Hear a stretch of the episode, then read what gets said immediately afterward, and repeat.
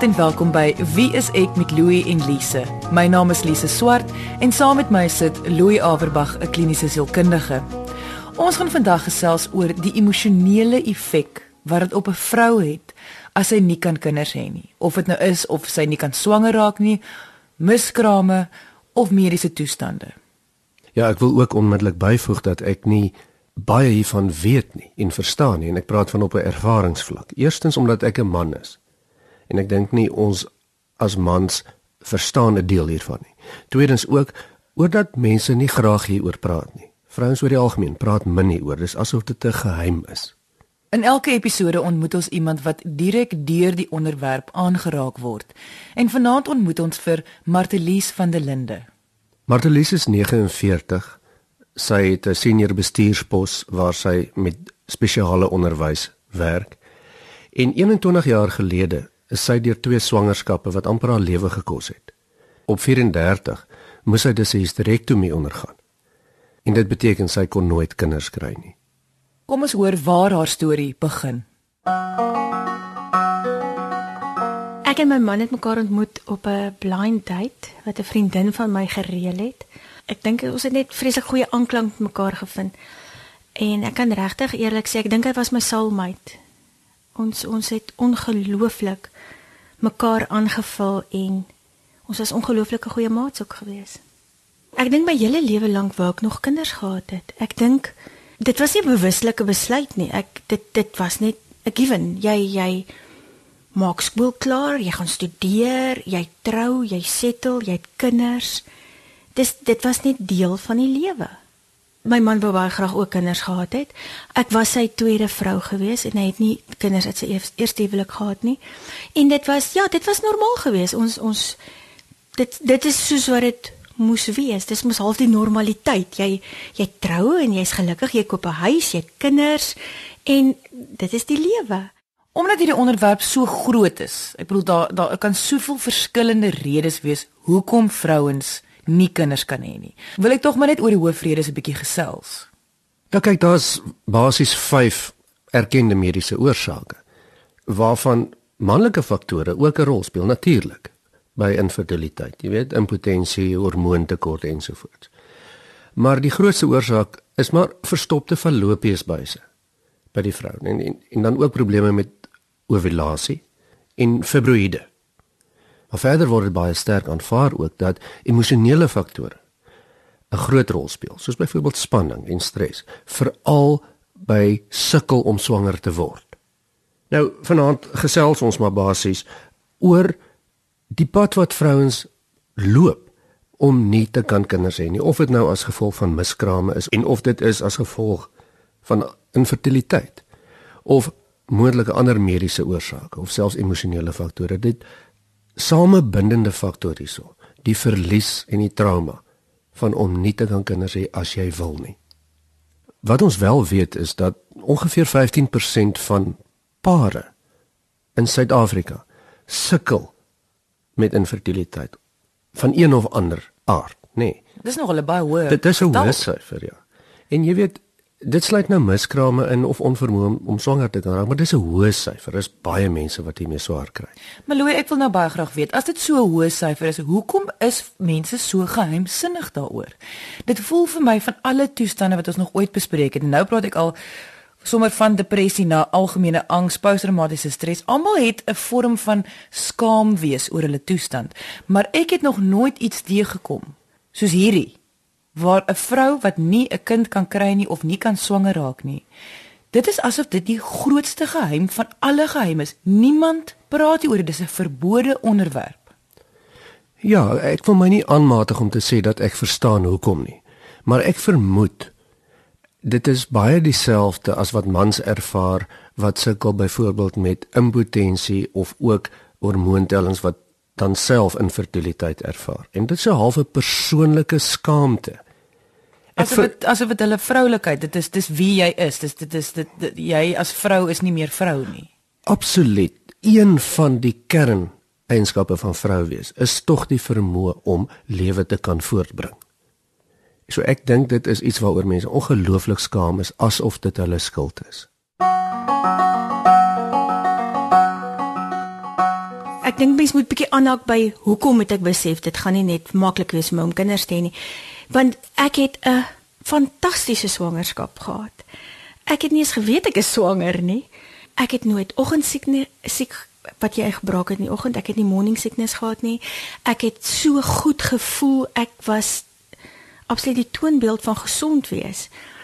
Toe halfpad deur my swangerskap hier op 31 weke, toe word die mat net heeltemal onder my uitgeruk en ehm um, nou moet ek ook sê gelukkig het ehm um, dit het net gebeur dat ons het by my ma gaan kuier.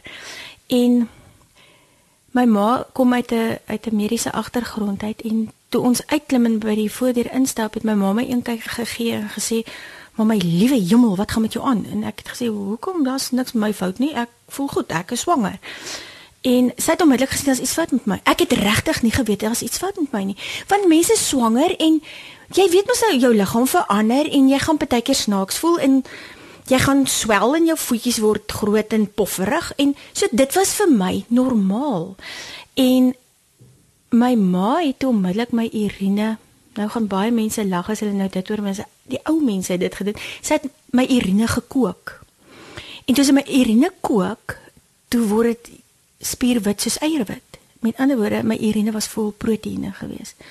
En sy het onmiddellik is uit sy die haar ehm um, ginekoloog gebel en ek is onmiddellik hospitaal toe. Toe is ek al halfpad in wat my niere opgehou funksioneer het.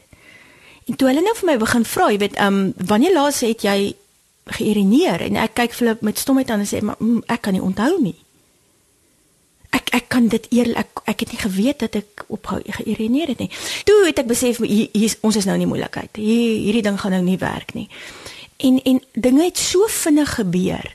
Want op daai stadium het jy mos nou al 'n baba kamer, jy het nou al 'n naam gedink, jy weet dis 'n ou seentjie en alles het volgens my goed gegaan. En en dis dis toe ons regtig besef het toe ek hulle vir my sê maar ehm um, jy is regtig baie siek en almal hardloop om my rond en hoe meer ek vir hulle gevra het maar, wat gaan nou aan? Jy weet hoekom paniek almal nou hier om my?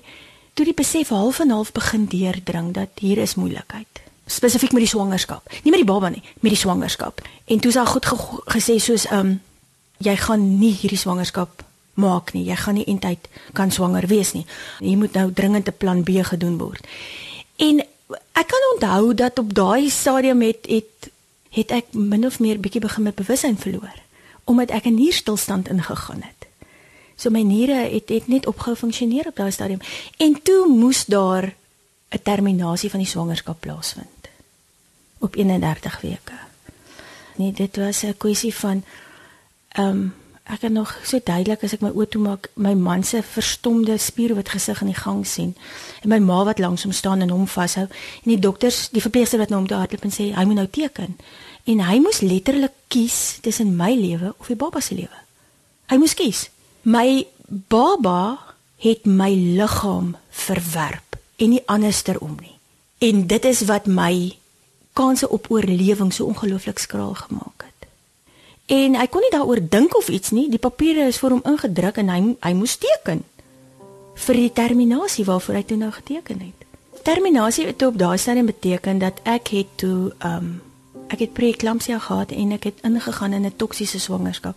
En dit beteken hulle moes my my babatjie, my seentjie op 31 weke aborteer. Dis waarop neergekom het. En hulle moes hom fisies doodmaak binne in my lyf. Dit is nogal baie aardige storie want op een van hulle het so gehardloop om my en ek omdat ek so in en uit bewussyn gegaan het, het hulle vergeet om die monitor weg te draai en ek kon presies sien wat hulle doen. En ehm um, dis letterlik hulle druk 'n naald by jou maag in dwarsdeur tot hulle jou baba raaksteek en dan word hy ingespuit met 'n stof om sy hartjie te laat staan. En dan van daar af wag hulle totdat jy dan 'n normale kraam ingaan. Dis 'n normaal. Ek was te siek vir 'n C-seksie of enige van daai op daai stadium en ek moes normaal geboorte gee. Jy luister na Wie is ek met Louie en Lise. Na dit alles jy lank gesprekke met jou dokter En my my ginekoloog het op daai stadium vir gesê hierdie ding wat met my gebeur het is so skaars. Dit gebeur letterlik met een uit 1000 vroue kan dit dalk mee gebeur. Die die, die kans daarvoor is dis ek kan regtig maar weer probeer swanger raak. Maar hulle het ook gesê jy weet jy moet nou maar bietjie wag, gee net jou lyf kans om gesond te word en alles en dan probeer jy weer, maar moet ook nie te lank wag nie, want dan raak mens bang. En dan begin jy spooke sien waar daar nie spooke is nie. So letterlik 'n jaar en 'n paar maande later toe is ek weer swanger met babatjie nommer 2. En toe gebeur dit weer. Nadat ek die tweede baba verloor het, ek het 'n wonderlike vroulike ginekoloog gehad op daai stadium. Het ek 'n um, afspraak met haar gehad. Dit was nou maar die volg die opvolg afspraak en as en ek en sy het gesit en gesels en ek onthou sy het ek het vir haar gesê maar ek wil met haar praat. Soos 'n vrou met 'n vrou praat. En ek het vir haar gevra wat is my kanse dat ek weer kan swanger raak en dat dit nou kan regwerk en ek kan dalk 'n babatjie hê. En sy het vir gesê, weet jy, jou kans om swanger te raak is 100%, want enige mens kan swanger raak, jy moet dit mos nou maar net doen. Sy sê maar vir jou om 'n swangerskap einduit mee te kan loop, gaan nie gebeur nie. En ehm um, sy wil hê ek moet daaroor gaan dink. Ek het 'n jaar tyd waarin ek nie mag swanger raak nie, maar sy stel voor en ek medies kwalifiseer ek daarvoor om dan op 34 'n totale hysterektomie te hê. Dis hoe erg dit was op daai stadium. Dit is 'n reusagtige verlies vir 'n vrou. Dit kan mens duidelik hoor en dis nie net dat sy 'n kind verloor het of twee kinders verloor het nie. Dis nie net daai verlies nie. Die verlies ook dat sy kan nooit weer probeer of kan kinders hê nie. Die kern hier is verlies. Mens verloor iets geweldig integraal deel van jouself as vrou. Behalwe dit wat jy sê, jy weet dit is ook die verlies van 'n droom. Dis die verlies ja. van iets waarna jy uitgesien het. As mens swanger word as vrou en natuurlik dan ook die mans wat betrokke is hierso, begin tog vooruitdink. Hulle begin tog dink, "Jessie, as dit 'n seun of 'n meisie is, wat gaan ons hom of haar noem? Uh watter sterre teken gaan dit wees? En mens begin vooruitdink en jy begin jou lewe as ouer tegemoet dink. Selfs al is dit net 'n dag of twee, selfs 'n paar uur wat mens dan swanger is. Jy weet so jy verloor soveel meer as net die lewe van jou kind. Dis 'n verplettering en ons hoor Moortlies vir ons vertel dat dit haar op alle vlakke van haar menswees en haar vrou wees baie baie seer gemaak het. Ek wil graag 'n bietjie gesels oor die biologie agter kinders wil hê. Dis vir my net so 'n groot verlies in die hele situasie dat ons word biologies gedryf om voort te plant. En die vrou se biologie is om kinders te hê. Jy is letterlik die een wat die voortplanting gaan veroorsaak. En so absurd as wat dit klink, dis deel van wie jy is. So om letterlik teen jou biologie, die verlies van jou eie biologie, wil ek amper sê. Jy weet, ons vergeet, jy's heeltemal reg, dat in in ons moderne tye waarin ons leef, is ons by uitstek wesens van oorlewing en evolusie. Ons is geprogrammeer om voort te plant. En vrouens by uitstek is is biologies ontwerp om lewe te genereer en te skenk. Dit is 'n wonderlike biologiese integrale en ons gene skree van ons moet voortplant. Anders was niemand van ons hier nie. Nou sien dit dat ons 'n sielkundige program is. Wat is die sielkundige effek op 'n vrou? Jy weet, ek dink ons moet dit kyk vanuit die oogpunt van verlies. Wat is die sielkundige effek? Wat gebeur met jou as jy verlies? Selfs al staan jy iemand aan die dood af, ons wat dit almal ken, selfs as mans, of ons droom is verpletter die geweldige skok daarvan. Die posttraumatiese stres wat as gevolg daarvan kan ontwikkel as ons luister na Martelise verhaal waardeur sy is.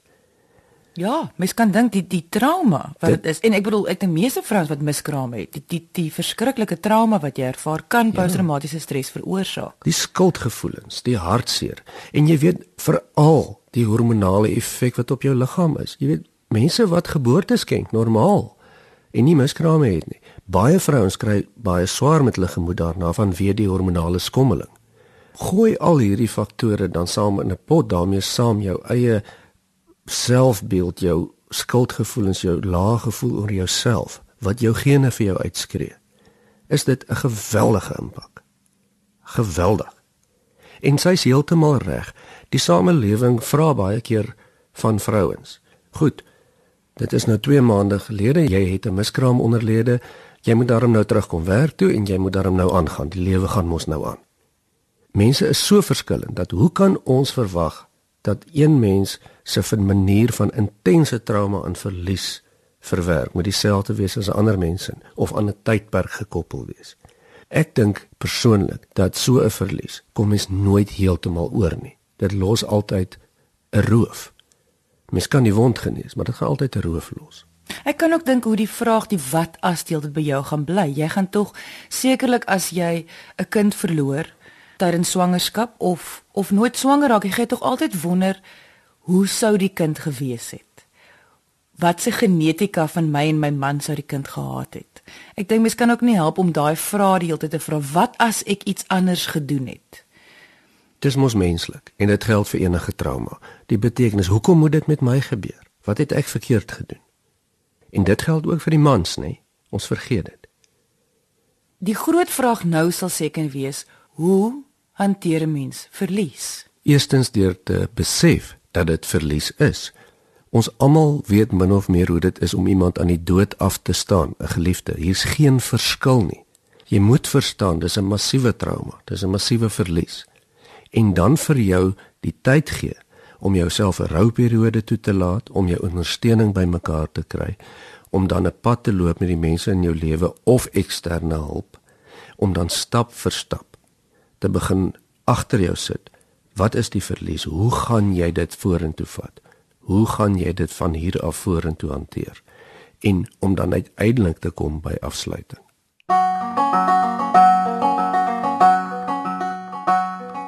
Die ergste ding wat ooit met my kon gebeur het, dink ek, is die feit dat ek nie kon kinders hê nie.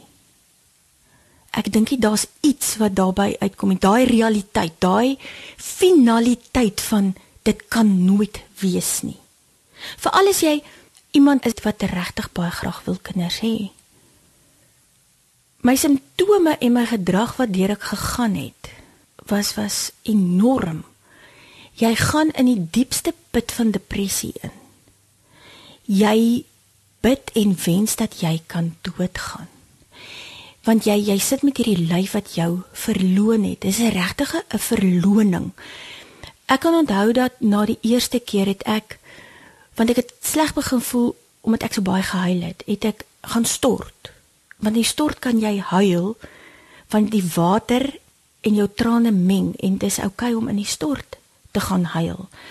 En ek onthou dat ek baie keer so in die stort gehuil het dat my man moes my kom uit die stort uithaal uit. Letterlik uit die stort kom haal het en die handdoek om my draai, my hare afdroog, my stoot tot in die kamer en vir my sê asseblief trek nou net vir jou klere aan. Jy jy's nat, jy, dit kan jy moet nou. Want die buitewêreld verwag amper van jou om aan te gaan. Jy word ook net so lank ek kry 'n sieknota voor en jy moet weer gaan werk. Jy die die wêreld gaan aan. Niemand staan stil vir jou nie. En en omdat jy dan nou in hierdie ding is, jy haat jou lyf, jy jy's kwaad vir almal. Jy verloor totaal en al jou geloof, jou geloof in jouself en jy wil ophou leef. En omdat die hele wêreld van jou verwag maar my genade, jy het nou lank genoeg gerou, jy moet nou aangaan, jy weet jy jy moet gaan werk. Raak jou depressie net al hoe erger. En ek het opgehou slaap. Ek het byvoorbeeld my dag en nag maar dit het ek in die hospitaal dit met die eerste keer ongelukkig omgeruil. Omdat jy die hele tyd onder ligte lê besef jy nie dis dag of nag nie. So jy ruil letterlik jou dag en nag om. En dan moet jy jy moet by 'n sielkundige uitkom. Jy moet met iemand gaan praat. Maar jy moet ook die regte terapeut kry. En dan kry jy slaap hulle om sodat jy kan slaap in die nag. Maar dan doen jy verskriklike dinge en jy drink jy slaap hulle in die dag. Want as jy slaap dan onthou jy nie en dan kan jy ontsnap van dit alles. Ek het ehm um, ek dink die mense het regtig besef hoe erg my depressie was en ek het toe ehm um, 'n oordosis slaap hulle gedrink. want ek wou regtig doodgaan. En ek het myself in my huis toegesluit op my man kon nie inkom nie, want ek wou reg, ek wou nie gehad het hy moes my kry en my dalk hospitaal toe vat of iets nie.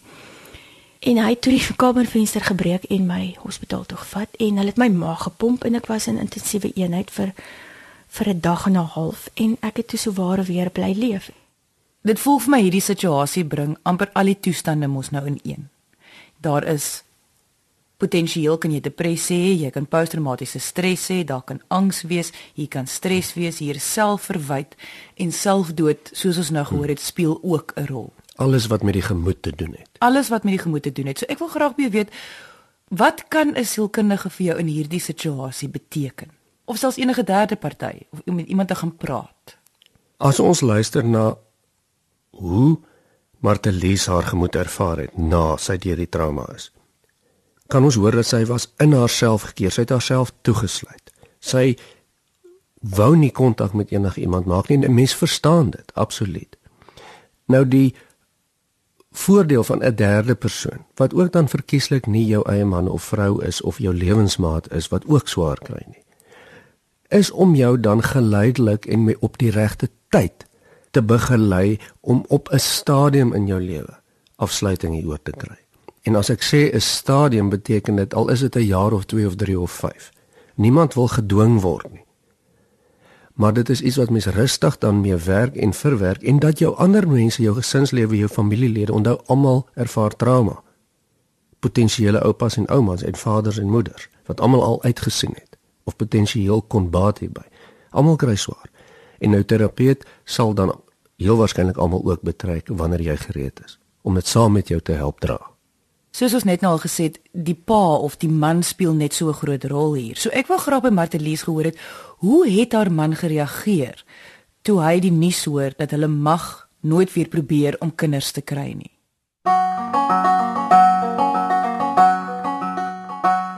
Weet jy, hy het gesê dankie tog want hy kan nooit weer daardeur gaan nie. En op daai stadium was ons huwelik regtig baie wankelrig want ek het ongelooflike druk voor my gesprek met my ginekoloog het ek druk op hom gesit want ek wou kinders hê en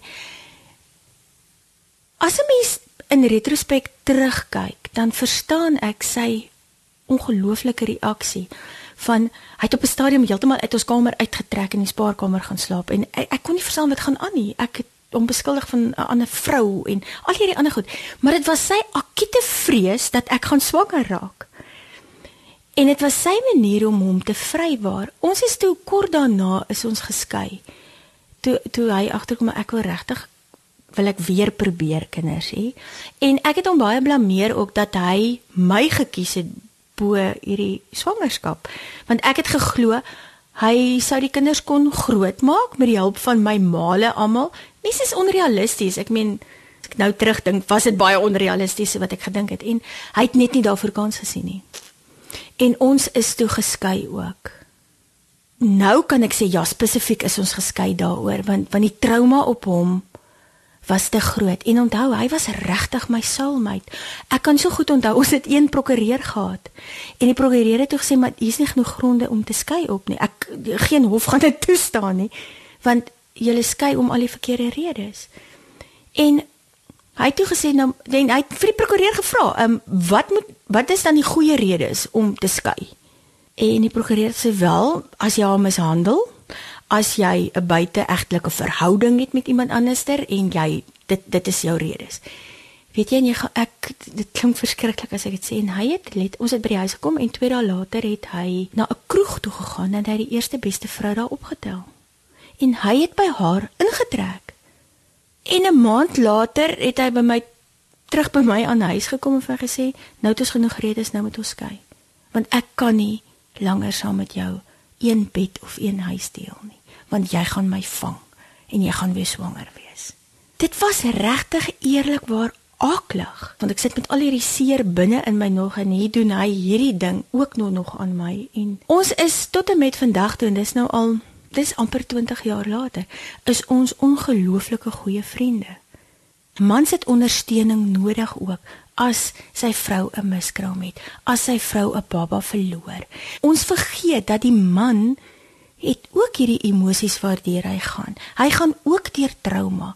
Hy moet sit met hierdie vrou wat verpletterd is en 'n man weet nie hoe om dit vir haar beter te maak nie. En ek dink as selfs as my familie meer aandag aan hom gegee het, maar 'n vrou op daai stadium verg al die aandag. Want want jy so teen die vloer teen die planke, jy haat jouself want jy het jou jou lyf het jou as vrou verloon. Jy kan nie 'n vrou vir jou man wees nie want jy kan nie vir 'n kind gee nie. En jou primêre doel as vrou, het ek gevoel op daai stadium, is om kinders te hê. Om my man se geslag voort te dra, om my man se van voort te dra. En niemand het na hom gekyk nie. Hy was weerloos geweest. Ek kon nie na hom kyk nie, want ek het dwaas aan kon ek nie na myself kyk nie. So as daar genoegsaam na hom ook gekyk is, na sy behoeftes, na sy stikken gebroke siel ook, dan dink ek sou ons mekaar kon ondersteun en by mekaar kon staan. As hy net met my gepraat het en vir my gesê het hoe hy gevoel het, dat hy bang is dat ek hom gaan vang deur swanger te raak en dat ek hom weer deur hierdie hele ding sou ek dit nooit gedoen het sou ek vir gesê het maar sjoe ek het nie geweet dit so erg dit was so erg vir jou nie en sou ek ek was lief genoeg vir hom om terug te gestaan het en vir hom gesê het maar is hy alraai daarmee dat dit vir die res van ons lewens net ek en hy sou wees? En dan sou ons dalk nooit geskei het nie. Maar daar was nie kommunikasie nie. Hy kon nie oor sy seer praat oor sy ongelukkigheid oor sy trauma wat hy beleef het deur net papiere te teken wat vir hom ingedruk word nie. En ek my woede my woede teenoor hom daar was nie kommunikasie nie. En as gevolg van dit het hy geloop. Jy luister na Wie is ek met Louie en Lise vir my is daar so baie situasies in 'n verhouding waar goeie kommunikasie belangrik is. Maar ek moet eerlikwaar sê dat hierdie situasie voel vir my moet bo aan die lys wees. Ja, kyk, as daar nou 'n situasie is wat 'n verhouding kan vernietig en ons hoor by Marlies dit het haar verhouding. Maar ek kan dink dit gebeur met duisende mense. Ja. Want daar is soveel faktore albei lei 'n groot verlies maar van verskillende kante af uit die situasie. En dit verstom, dit laat my eintlik stom staan dat dit moet ons voor die hand liggend wees. Nou is die tyd waar die twee met mekaar moet kommunikeer. Ja, dis voor die hand liggend vir ons wat buite sit. Maar in daardie situasie is dit ongelooflik swaar. Jy weet, hierdie is van die grootste traumas wat met mens kan gebeur. En hierdie is een van die omstandighede waar geslagsverskille baie duidelik is. Mans en vrouens ervaar hierdie ding baie verskillend en hanteer dit ook verskillend. Mans is geneig waar daar infertiliteit of miskraam by die vrou is om feite te versamel, om oplossings te probeer uitdink, om logies en kognitief met hierdie ding om te gaan. Onthou ons as mans is maar basies. Ons verstaan nie hierdie ingewikkelde ding van swangerskap en daardie binnebehoefte nie. So die mans ervaar eintlik twee verliese. Aan die een kant is dit natuurlik die verlies van die kind. Die ander een is die verlies van sy maar sy vrou of sy lewensmaat. Dis baie waar, want die vrou verander nou. Sy dien nie en onttrek, voel sleg, voel skuldig, gaan deur alle emosies. So dis nie meer die vrou met wie hy getrou het nie. Selfs al is dit net vir 'n week, selfs al ja. is dit net vir 'n dag, maar ek bedoel dit dit is ook 'n verlies. En ons weet dan nie lekker wat om te doen nie, want wat sê mens? Wat maak mens? Jy het nie 'n oplossing nie, jy het nie 'n plan nie. Wat kan jy sê? Jy weet, en vrouens wat hier hierdie geweldige emosionele skommeling nog aan het behoefte aan ondersteuning, maar ook te gelykheid partykeer om alleen gelaat te word. So dis 'n ongelooflike moeilike sensitiewe tyd. So meer dit maak dit net meer duidelik dat kommunikasie is belangrik. Dis ek dink essensieel want dit kan 'n verhouding vernietig of die positiewe is ook darm. Dit kan dit ook 'n verhouding sterker maak as mens daardeur kan kom sien dat ons ook nog gepraat oor die biologie van die vrou en mens seker ook net onthou die biologie van 'n man is basies om sy vrou te beskerm. So mens kan net dink hoe niemand berei jou ooit in jou lewe voor vir so 'n situasie nie. Dit is die een probleem met verlies. So niemand weet wat om te doen nie. Daar's nie 'n handleiding hiervoor nie. Maar die verskillende geslagte sukkel hiermee op verskillende maniere. Wanneer sou jy sê is dit nie meer ek wil nie sê goed genoeg nie, maar is dit is dit tyd om 'n sielkundige te gaan sien dat om met jou familie te praat of vriende te praat is is nou nie meer goed genoeg nie. Dit jy moet maar dink aan sielkundige is nou jou beste opsie. Kyk, ek dink dit is soos met enigiets anders. As jy daarom op 'n stadium in jou lewe agterkom dat hier is iets wat jou negatief beïnvloed of dit jou eie gemoed is of dit jou verhouding is of dit jou werk is oor die algemeen dat jy nie meer lekker kan funksioneer nie. Dit gaan swaar. En dit is vir jou moontlik, dan maak dit mos altyd sin om hulp in te roep. So, jy weet, 'n miskraam, infertiliteit, enige proses soos wat Martelies deur is. Ek dink kan ons maar almal aanvaar. Dit sal traumaties wees. Ek weet van niemand wat dit ligtelik gaan ervaar nie. So wat jy sê is, is wanneer dit jou lewe begin affekteer, Ja. alles rondom jou begin affekteer, moet 'n mens maar begin dink aan professionele hulp. Ja, meeste mense wat dan op die punt van swangerskap kom of verder dan probeer gaan met swangerskap, is dan tog met 'n huisdokter of 'n ginekoloog of een of ander iemand wat professioneel is besig. En ek dink dit is dan net deel van die proses. Dit stop tog nie net daar nie. Dis eintlik baie waar. Baie vrouens raak nie swanger nie as gevolg van angs en stres oor die swangerskap. En en ek dink 'n professionele persoon is mos nou opgelei om ook vir jou en jou man daardeur te help dat julle kan ontspan en begin net op 'n ander manier na die situasie kyk. So ten minste in daardie situasie kan ek dink dit sal baie gepas wees om 'n professionele persoon te sien.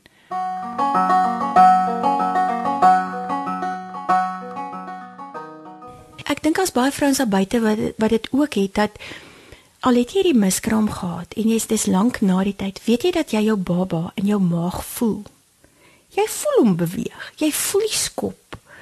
En dit dit slat jou asem weg want jy dis op die ongewoonste plekke wat jy dan hierdie hierdie Ek wonder nou, ek het baie keer gewonder of dieselfde is met mense wat 'n amputasie gehad het, wat dan na die tyd ook vir jou sê, weet jy maar hulle voel hulle voet of die geamputeerde voet of die geamputeerde hand of arm of wat ook al, dat jy voel daai baba binne in jou.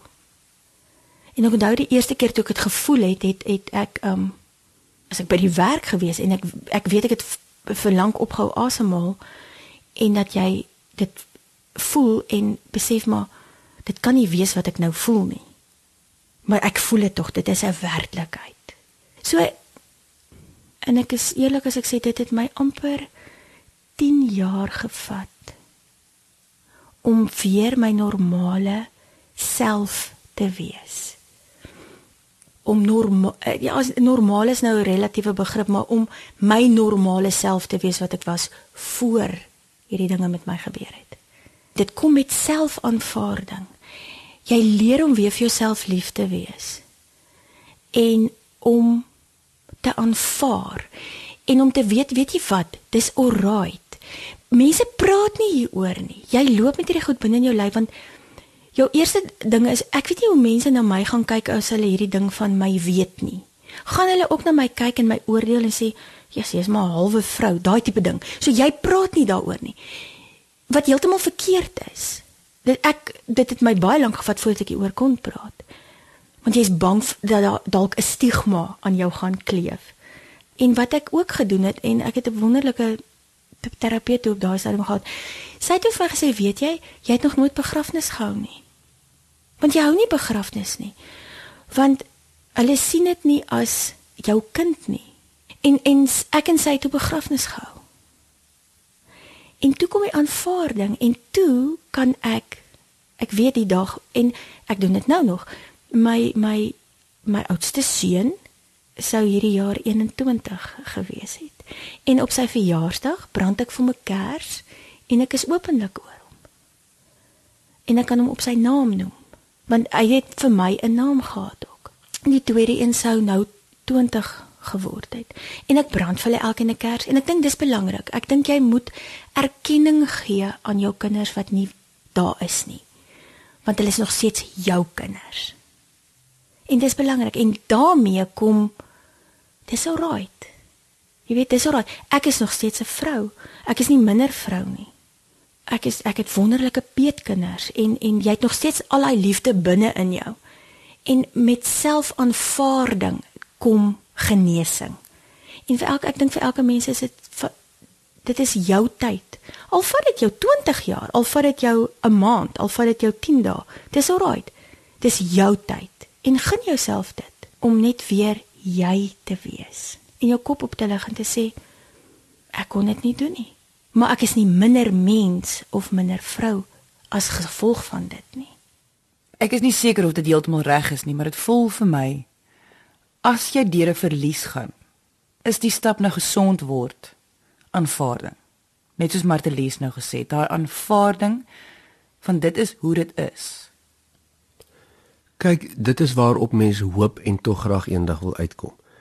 Maar ons moet ook verstaan, as jy nou deur 'n insident is rondom die situasie van 'n baba verloor of nie kan swanger raak nie, dan wil niemand kom staan en hoor van nou moet ek dit aanvaar nie. Dit werk nie. En mens voel ook nie so nie en dit is nie waar jou gedagtes en jou emosies en jou gedrag is op daardie stadium nie en mense met die beste bedoelings kan baie keer baie skade doen deur te kom 'n maand of 2 of 3 na die tyd en te sê, "Goed, jy moet daarom nou 'n bietjie aangaan met jou lewe, hoor? Ehm uh, jy moet dit nou begin aanvaar." Nou aanvaar is 'n baie moeilike woord. Ek dink wat ons sê is ons wil afsluiting kry op 'n stadium in ons lewe en afsluiting beteken nie nou gaan ons heel jolly aan en ons vergeet van waar ons is nie.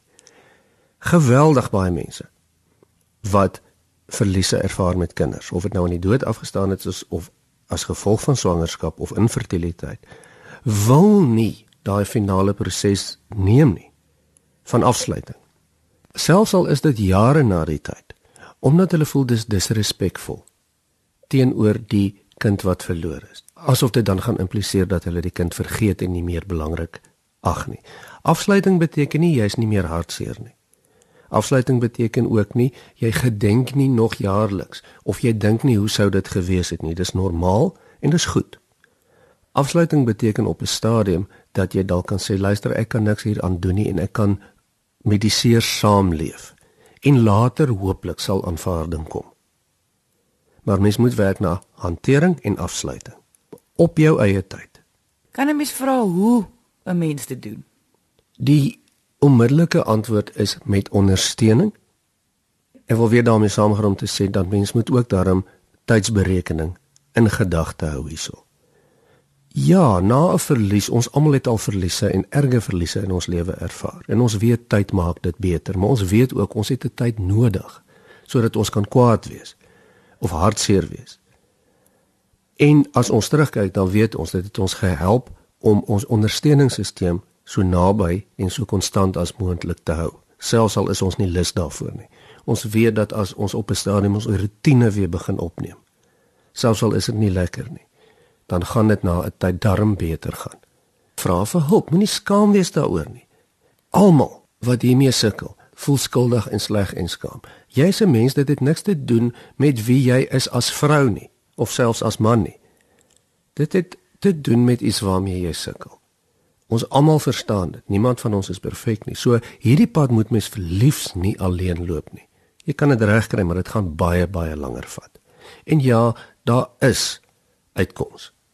Tyd maak baie dinge beter. Aanvaarding maak baie dinge beter. Maar dis 'n pad wat jy moet loop. Jy luister na Wie is ek met Louie en Lise. Nou op hierdie oomblik in my lewe is dit wonderlik want kinders is deel van my daaglikse lewe en jy leef jou uit deur ander mense se kinders. En ek wil ek wil graag vir vrouens daar buite sê, weet jy jy kry dit reg. Jy kry dit reg om weer te kan lewe. Moenie moed opgee nie. Dit vat lank en ek weet op daai gegeewe oomblik waar jy dan nou is, be, voel dit nie vir jou so nie. Maar daar is 'n lewe daar buite. Moenie moenie moet opgee nie. Ek is nou verloof aan 'n dierbare man. Ek kinders is deel van my daaglikse lewe. Ek geniet my lewe 100%. Daar's aanneming. Ek meen jy kan dinge gebeur. Ek meen jy kan dalk iewers in jou lewe 'n man ontmoet wat kinders het en jy moet sy kinders verder grootmaak. Ek dink die groot ding is moenie moed opgee nie. Maar ek weet ook dis onrealisties om dit te sê want as jy daarin is, as jy in daai gat van verwyd van selfhaat van isolasie. Ek daar's 'n Engelse woord, nou sê Afrikaanse woord daarvoor nie desolate. Daai daar's niks wat niemand vir jou kan doen of jy moet daar deurgaan. Want jy kom ander kant uit as 'n mens wat meer empatie het, meer simpatie het, 'n mens wat sterker is, 'n mens wat daai liefde wat jy het, jy kan dit nog steeds, jy kan dit vir honderde ander kinders gee. En dit is daar, daar daar is 'n lewe daar buite en dood eerlik, ek meen ek geniet my lewe. Dis vir my heerlik. Ek kan natuurlik vir my vriendinne kyk en vir hulle sê, hulle tieners of hulle kinders wat nou op universiteit is of waar kan kan ek sê ja nee dis reg kry vir jou jy weet en dan want dit is lekker ek kan met die tieners sit en gesels en jou lewe hou nie op nie die lewe gaan aan en ek dink dis belangrik dit is regtig belangrik dat ons is sterker ons as vrou is 10 keer sterker as wat jy ooit kan dink jy is jy is En is alright om nie kinders te hê nie. Want as jy mooi gaan stil staan en jy kyk om jou, is daar baie mense wat nie kinders het nie. En hulle lewens gaan aan. En in hulle leef voluit. En ek dink dis belangrik. Jy moet dit onthou. Dis nie 'n kind wat jou 'n vrou maak nie. Dis nie 'n swangerskap wat van jou totaliteit gee nie. Jy is vrou. Jy kom uit 'n fantastiese oervrou in jou. Ek meen, en leef, leef jou lewe voluit en kyk na jouself. En net jy kan dit vir jouself doen. Ek het al so baie gehoor van vrouens wat miskrame het of nie kan swanger raak nie of as gevolg van eh, mediese redes nie kinders kan hê nie. En na vanaand se episode vir die eerste keer eintlik regtig besef hoe 'n verskriklike, aaklige verlies dit moet wees. So ek wil baie graag vanaand se program opsom. Weereens, dis 'n enorme verlies. Selfs al kan jy bloot net nie swanger raak nie. Omdat dit deel van jou biologie is, is dit is dit daai biologiese verlies. Dit voel asof jy nie vrou genoeg is nie. Goed genoeg is nie. Maar my groot ding is is dat ek verstaan nie hoekom mense so verskriklik skaam moet wees daaroor nie. Vrouens kan mekaar hier ondersteun. Vrouens gaan dit almal verstaan. Maar soos ons in die program gehoor het, moenie vergeet van die man nie. Die man is ook besig om hierdeur die verlies te gaan. En daar is nie 'n handleiding vir enige iemand hier nie. Jy hoef nie nog jou verhouding ook te verloor in die proses nie. Wanneer jy voel dat die depressie of die die die posttraumatiese stres of enige toestand of enige simptome is besig om jou lewe oor te neem, moet jy dalk dink aan om te gaan vir professionele hulp. Gaan na jou ginekoloog, gaan na jou huisdokter of as jy voel jy wil sommer direk na sielkundige toe gaan, gaan. Hulle is almal opgelei om jou hierdeur te help. Dan wil ek nou net byvoeg dat na die hele episode vanaand, daar is vrouens wat verkies om nie kinders te hê nie. Daar is vrouens wat nie hierdie as 'n trauma ervaar nie. Ons sê glad nie dat daar iets verkeerd met hierdie vrouens nie. Ek wil daarom net daai punt ook net duidelik maak. Ons het ongelukkig nou aan die einde van vanaand se episode gekom. Van net baie dankie sê vir Martelies van Alinde wat haar storie vir ons vertel het en die manier hoe sy dit met ons gedeel het. Indien jy ons wil kontak en ek praat nou met die mans ook, kan jy vir ons 'n uh, e-pos stuur by louis@wieisek.com. Ek herhaal dit, dit is louis@wieisek een woord.com of jy kan gaan na ons Facebookblad onder wie is ek met Louie en Lise. Jy hoef nie op ons muur te skryf nie. Jy kan vir ons 'n vertroulike brief na ons inbox stuur. Ons hoor graag van jou. Onthou hierdie komende donderdag tussen 11:00 en 12:00 in die oggend gaan Louie enige vraag oor enige toestand regstreeks op ons Facebookblad beantwoord. Weereens dit is onder wie is ek met Louie en Lise. Ons maak weer so volgende Dinsdag aand net na die 11uur nuus hier op RSG. Jy moet 'n heerlike week hê en onthou, kyk mooi na jouself.